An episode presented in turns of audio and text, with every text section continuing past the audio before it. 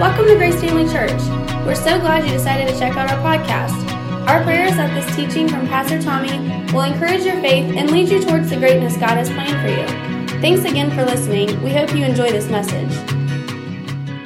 I want to start a new series this morning. Um, it'll lead us right up to Easter, and then I'll probably do some stuff, you know, the week before and week of Easter. But, um, but I, want to, I want to start a series this week called As It Is in Heaven. Um, and uh, as I was really praying about, you know, uh, what, what next to teach and what next to, you know, we just finished our other series, and I've really been thinking, what, what does the Lord want us to um, uh, bring next? And, and, I will tell you, that's not um, something I take lightly. I, I really do, honestly, uh, every time I start a series or a lesson, I just say, Lord, is this what you want?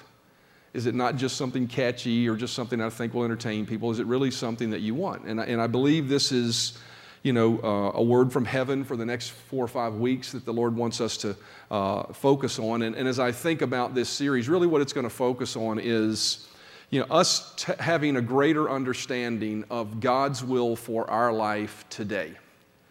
Um, not God's will for our life in the sweet by and by, uh, not, not God's wish for us that we never ever realize, but what is God's will for your life today? What does He want you to experience in your everyday life? And what we're going to do is we're really going to look at um, the uh, way that Jesus taught His disciples, and in essence, us to pray to understand, you know, what is God's will for us. Um, and so we're going to read from Matthew chapter 6, verses 9 through 13, a very familiar verse of Scripture um, for most folks. If you played any sports, this one will uh, ring a bell for you probably, um, because you probably prayed it, um, you chanted it. Um, before you, you went out to uh, play a lot of times. But Matthew chapter 6, verses 9 through 13, we'll read this and then we'll pray.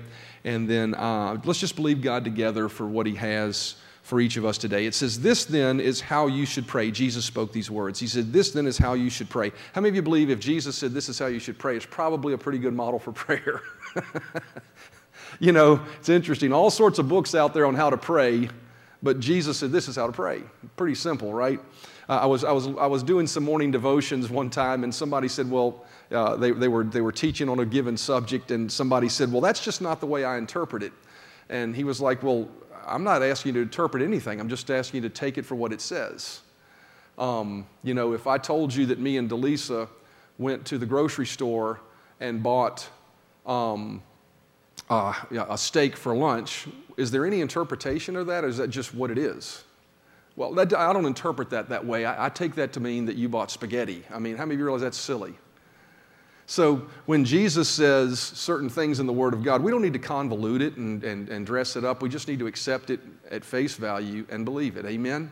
And what he said here, he says, This is how you should pray Our Father in heaven, hallowed be your name. Your kingdom come, your will be done on earth as it is in heaven. Give us today our daily bread, and forgive us our debts as we also forgive our debtors, and lead us not into temptation, but deliver us from the evil one. Let's pray. Father, we come to you right now in Jesus' name, and we thank you that as we speak the name of Jesus, just doing that alone, your very presence uh, uh, just, just sweeps into this place. Your Holy Spirit begins to move amongst us. And so I thank you, Father, that, that He is Lord here this morning and that you have liberty to move through what it is you've prepared for us today. So I give you praise and thanks for that. Thank you for making my tongue as the pen of a writer, that I would speak forth your truth um, and, and write it upon the hearts of each person here. I give you praise and thanks for that in Jesus' name. Amen. Um, you know, as we look here in these verses, we see Jesus expressing to us, really, if you think about it, um, the things we should be believing for and experiencing in our lives.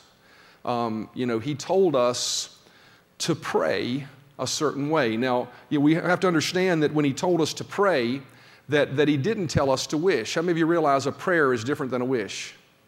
How many realize that? And so it's important to recognize that, the difference between a prayer and a wish, because as we understand what Jesus was saying here, and we understand that he was telling us to pray and not to wish, we're going to understand actually what he was telling us is what the will of God for our lives is, right here, right now. What's a prayer? A prayer is not a wish. A prayer, if you look it up in, in the Webster's dictionary, is a solemn request expressed to God.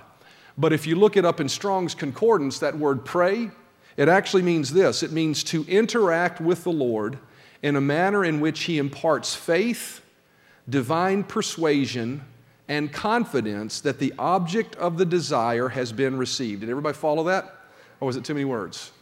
Prayer is what? It is to interact with the Lord in a manner in which He imparts faith, divine persuasion, and confidence that the object of the desire has been received. So Jesus told us that's what we should do in these next few words. Now, a wish is completely different. What is a wish? A wish is to feel or express a strong desire or a hope for something that is not easily attainable. It is to want something, notice this, that cannot or probably will not happen. There's a difference in a prayer and a wish. You get it? How many of you have ever, you know, it's, uh, you know, a wish is sort of like buying a lottery ticket. You hope it happens, but it's probably not gonna, right?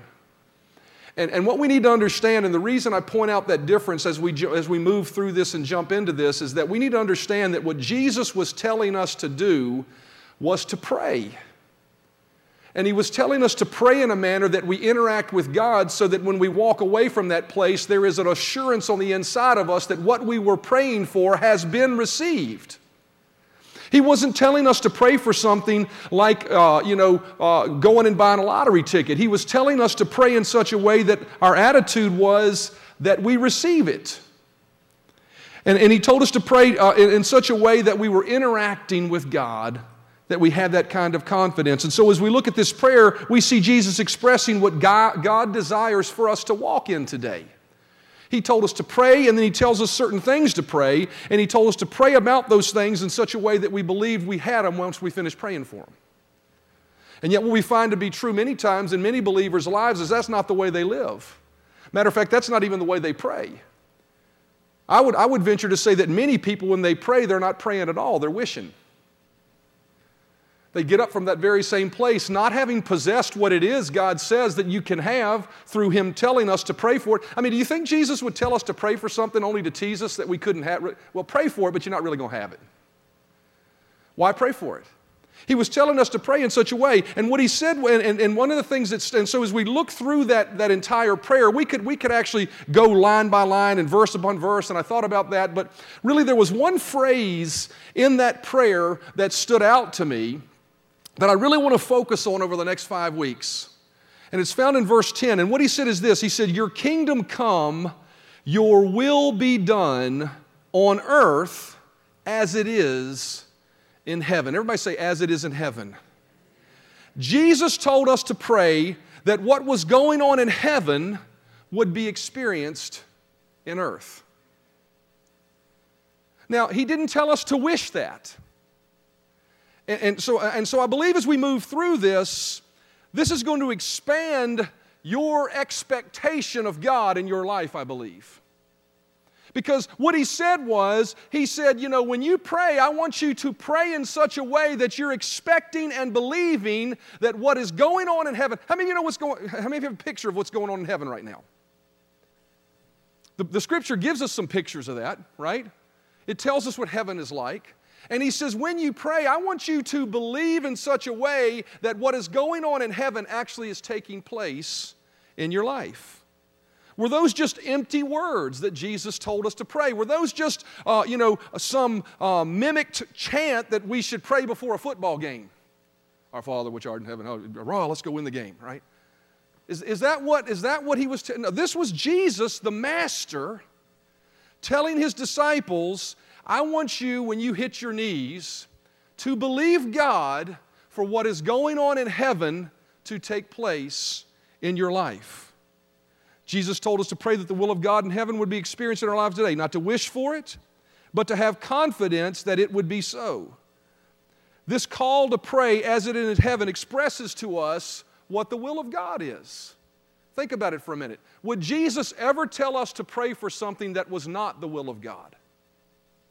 And what he told us to pray was that what was going on in heaven would be done in our lives.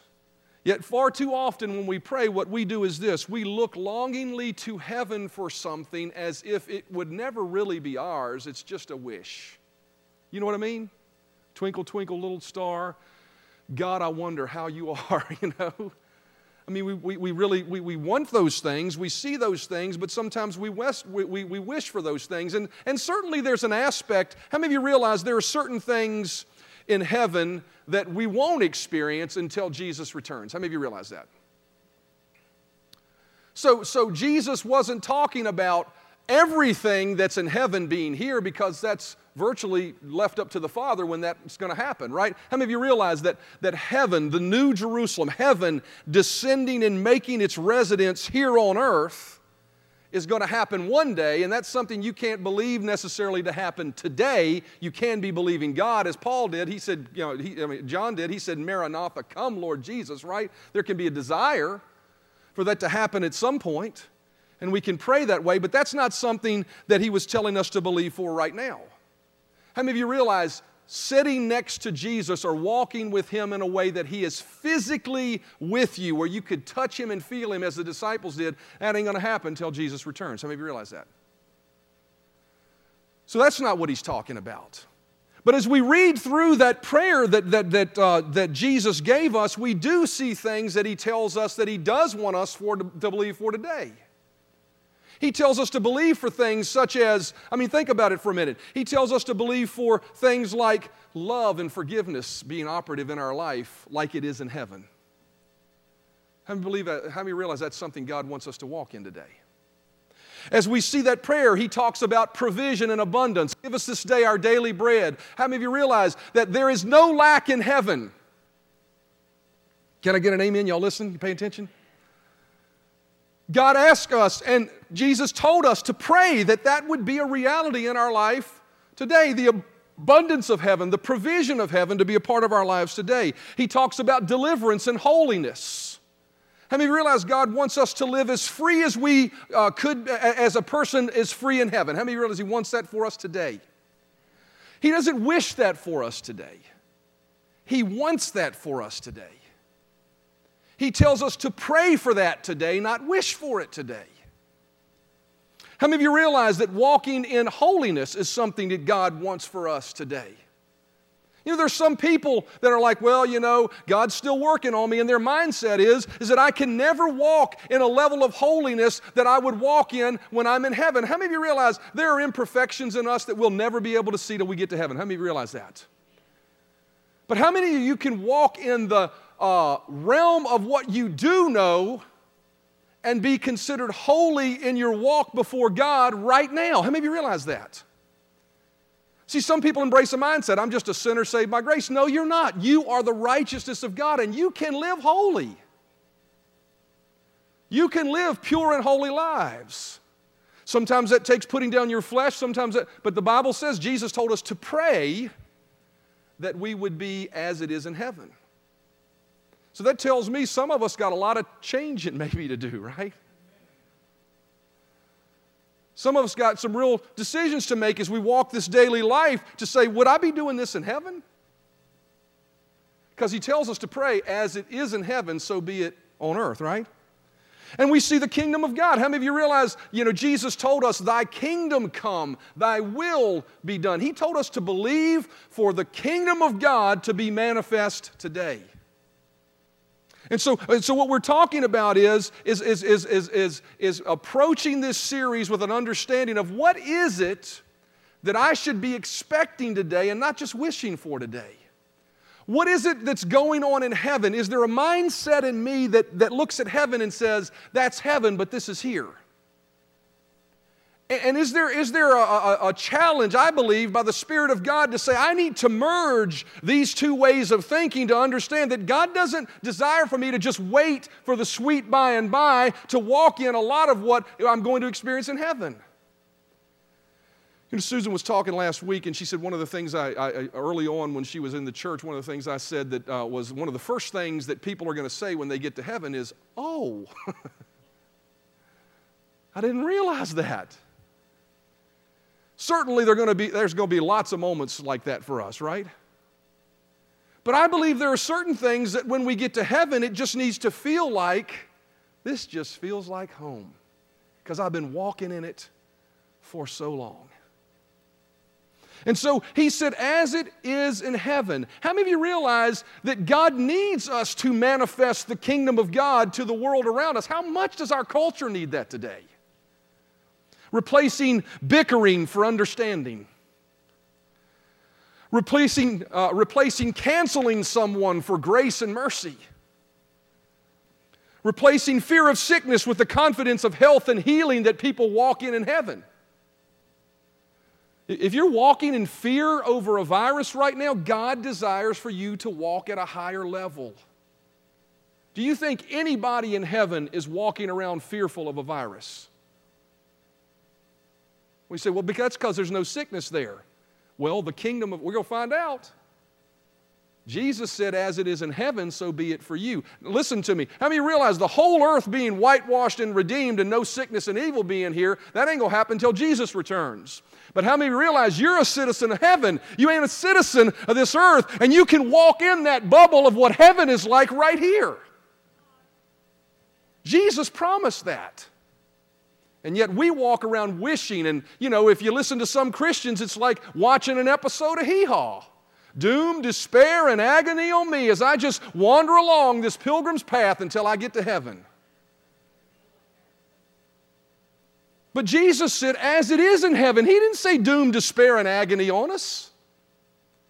He didn't say suffering and hardship as we wander our pilgrim's path.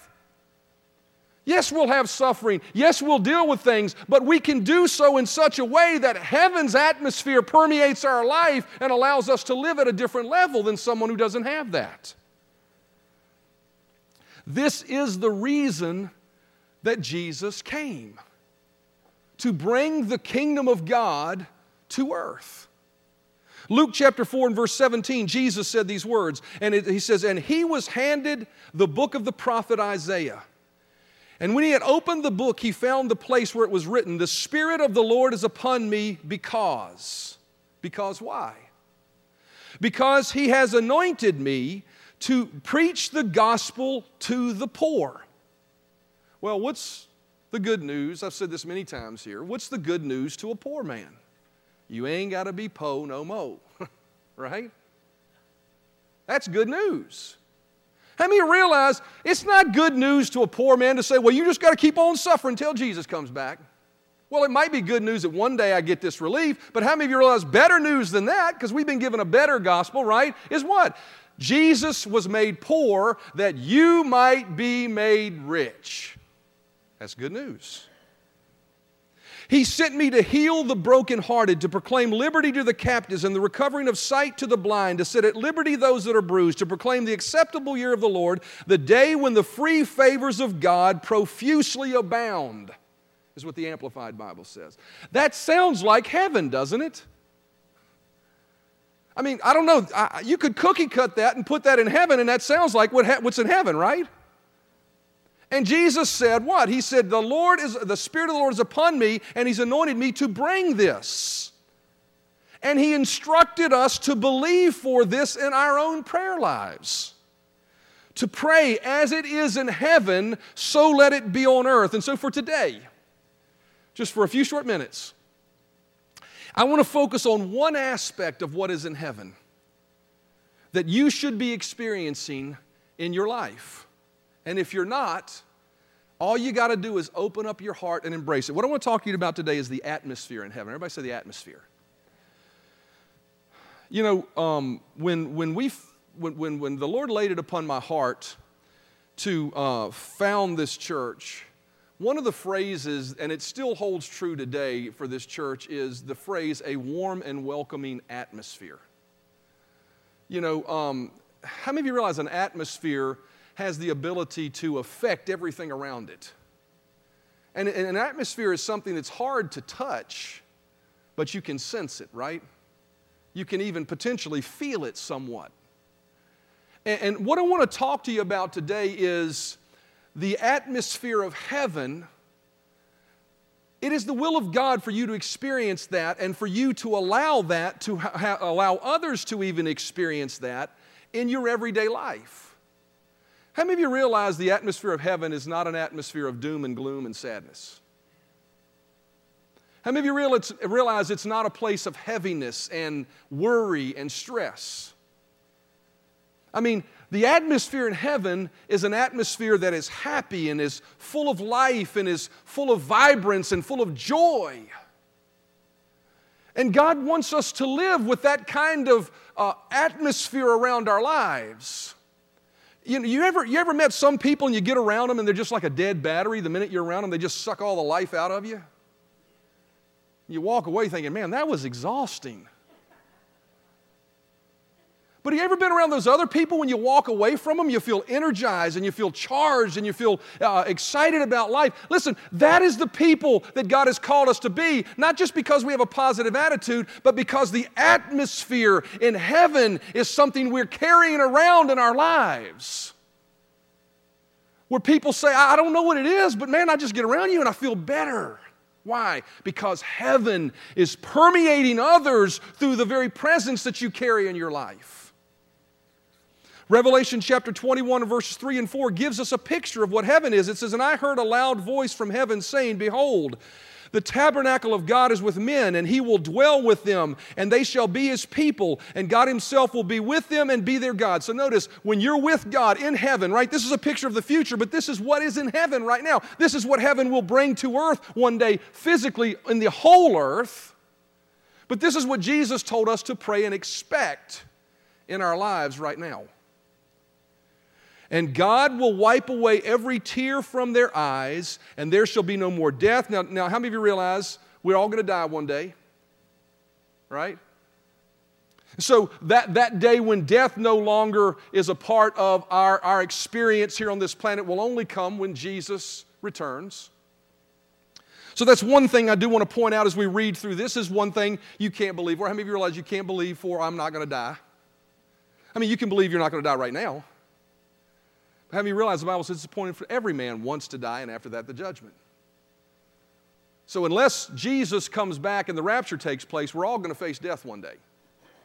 So, I just don't want to set the wrong expectation, right? But notice the rest of heaven. It says there's no sorrow, no crying, there shall be no more pain, for the former things have passed away. Heaven picture, and, and the picture of heaven is not a place of doom and gloom and darkness and heaviness. It's a place of lightness and joy. It's a place of overcoming. It's a place of winning. It's a place of happiness. Everybody say happy. Psalm 16 and verse 11 says, You will show me the path of life. In your presence is fullness of joy. At your right hand, pleasures forevermore. At the right hand of God, we find joy and we find pleasures. This is God's will for us on earth joy and pleasure, not doom and gloom, not hardship as a, you know, dragging off to the coal mines, working another day. Right, none of that crazy stuff, right? He wants us to live a happy, full life.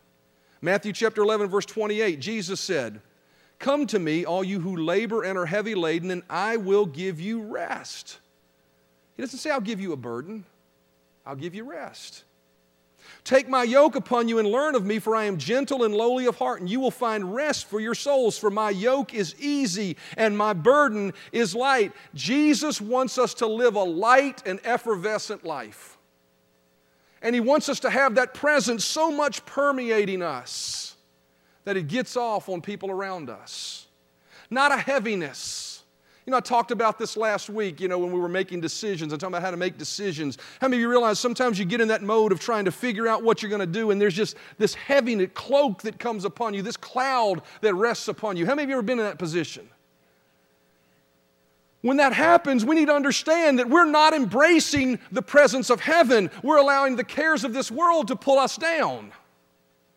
And in those moments, it's important for us to manifest the presence and atmosphere of heaven instead of allowing those things to drag us down to be something less than what God intended for us to be. In heaven, at the right hand of God, there are pleasures forevermore. Notice Psalm 16:11. We read it once, we'll read it again. It says, "You will show me the path of life. In your presence is fullness of joy. At your right hands are pleasures forevermore." How many of you realize Jesus right now is physically not here? How many realize His Holy Spirit is? But he is not here. He is seated at the right hand of God the Father, just waiting for the Father to say, It's time to go get your bride. But he's in heaven at the right hand of God the Father. And what it says is, is at your right hand are pleasures and joy forevermore. But do you realize that even though physically he is not here and physically we are not at his right hand worshiping at the Father's feet, that spiritually we are seated next to him right at this moment in heaven? Spiritually, we're positionally in, and what that tells me is this is there's no distance between heaven and where I am right now. You say, well, how's that true? Spiritually, there's no distance.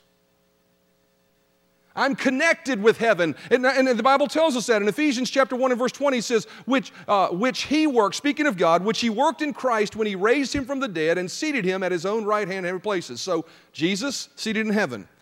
Go down to verse 1 of chapter 2. And you, everybody say you. Look at your neighbor say, that means me. And you he made alive who were dead in trespasses and sins, and there's a whole lot of stuff in between verse 1 and 6. Great stuff to read, go home and study it. But verse 6 is the point I want to make. And he raised us up together and made us sit together in the heavenly places in Christ Jesus. So, what that tells me is right now, spiritually, even though I'm physically not in heaven, my spirit is connected to Jesus at the right hand of God the Father by the Spirit of God that lives in me. What that tells me is this simple point I carry within me, just as you do if you're a believer, you carry within you the atmosphere of heaven, whether you feel it or whether you don't. That also tells me this that your atmosphere doesn't have to be determined by your circumstances. It can be determined by the atmosphere of heaven. When Jesus said, as in heaven, so let it be on earth. What he was saying was, as a believer, you've got the ability to believe and have confidence that in you is just as much the presence of heaven as if you were walking the streets of gold right now. That atmosphere lives and abides on the inside of you. Jesus told us that in Luke chapter 17 and verse 20. It says, Some Pharisees asked Jesus when the kingdom of God would come, and he answered, his answer was, the kingdom of God does not come in such a way as to be seen. No one will say, Look, here it is, and there it is, because the kingdom of God is within you. Do you realize when Jesus was saying, As it is in heaven, so be it on earth, what he was asking us to do was really to submit our wills to what God has already done in us as believers. When you were redeemed and you were set free, the Spirit of God came to live on, on the inside of you and He brought with Him the atmosphere of heaven. 1 Corinthians chapter 3 and verse 16 says this, "Do you not know that you are the temple of God and the spirit of God dwells within you?" You carry within you the spirit of heaven. The very spirit of God. Think about it for a minute. A person's home, the atmosphere in a person's home, is determined by the owner and head of that house. You ever been in, you ever walked into a house where before you got there there was arguing and you just sensed something's not right here?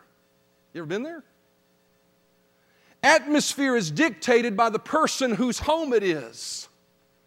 How many of you realize God owns heaven? How many of you realize God is not just God the Father, God the Son, and God the Holy Spirit? The atmosphere of heaven is dictated by the Holy Spirit's presence. His essence, who He is, permeates and causes that, that atmosphere of joy and lightness, not depression and heaviness. And what this verse tells me is that this Spirit lives in you. He brings the atmosphere of heaven within us. You've got heaven in you right now. Do you realize that? As I was preparing and I was praying and I was seeking God about this, this is a revelation that I believe God wants to get across to our church because so many times, even in our worship, we reach toward heaven as if it's some uh, thing that's far away from us. And there's nothing wrong with humbling ourselves before God, but do you realize that, that, that, that, what you're reaching for, God has actually placed within you when you accepted Christ? He placed the Spirit of the living God inside of you. So, what does that tell me? That tells me that no matter what's going on in my life, I can make a choice to yield myself to the atmosphere and joy and pleasure and happiness of heaven, regardless of the trial I'm going through.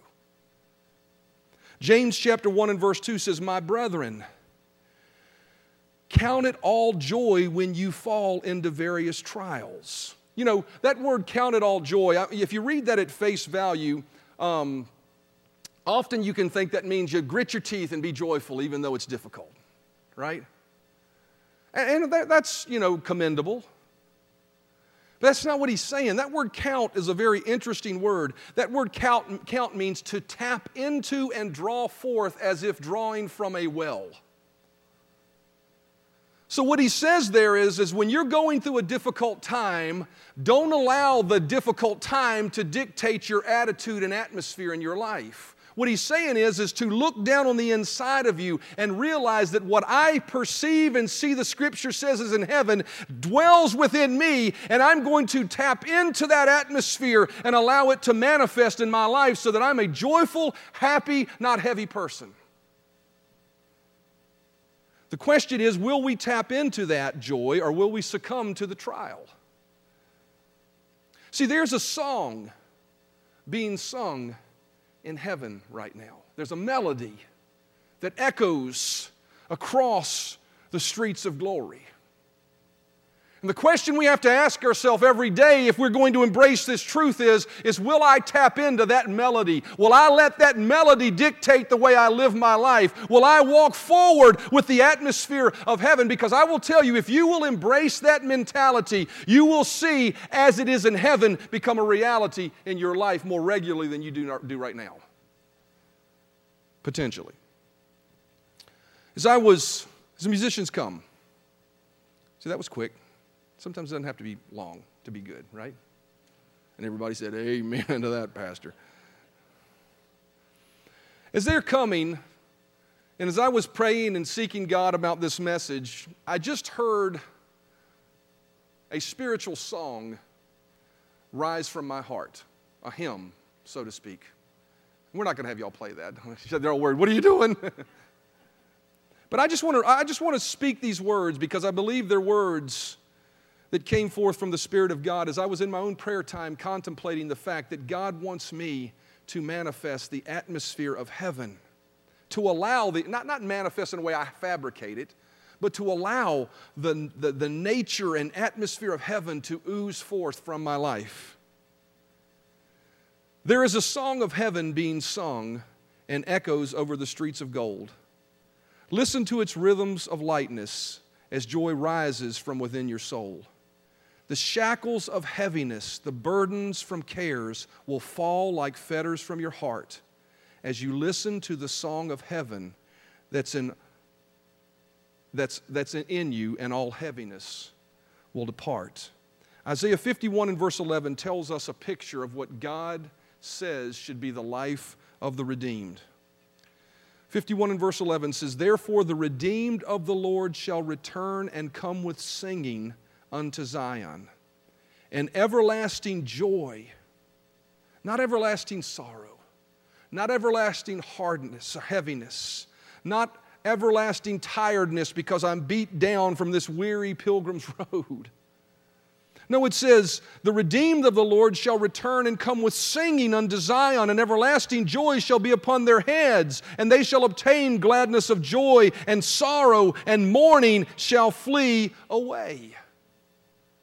The life of a believer should not be a life of sorrow, should not be a life of mourning. But we have to lean into the atmosphere that is in heaven that has been placed within us. We have to lean into it and not yield to that circumstance or that thing that causes us great sorrow. We have to lean into what's in heaven. We have to lean into the joy. We have to hear the melody of what's being sung on the streets of glory. We have to hear the song of the redeemed that's being sung before the Master. We have to hear the songs of Zion rising from within our hearts. There's an atmosphere of lightness and great joy. The question is, will you tap into it? For Jesus said for us to pray, as it is in heaven, so be it in my life. Father, I pray in the name of Jesus, with my limited ability as a human being, that I've conveyed and imparted something today. that there's a spiritual understanding of what's being said about an atmosphere that we can embrace about our lives that brings lightness and joy. I pray if there's anybody here this morning that has heaviness upon their life, that is carrying a burden, that is carrying great sorrow. Although that sorrow may be real, although that pain may be real, although that, may, that concern may be valid, I pray that they'll lay that at your feet as a person lays it aside when they step into glory. That they'll embrace the music of heaven. Oh, I pray that'll take place this morning, Father. I pray that every band will be lifted, every burden will be set aside and that the anointing will destroy the yoke of heaviness. Thank you, Lord Jesus. Thanks for listening to our Grace Family Church podcast. We hope you enjoyed this message. If this ministry has blessed you in any way, we would love for you to get connected. Just go to gfcva.info for more information about who we are, how to give to this ministry, or how you can get involved. Thanks again for listening, and we hope to see you soon.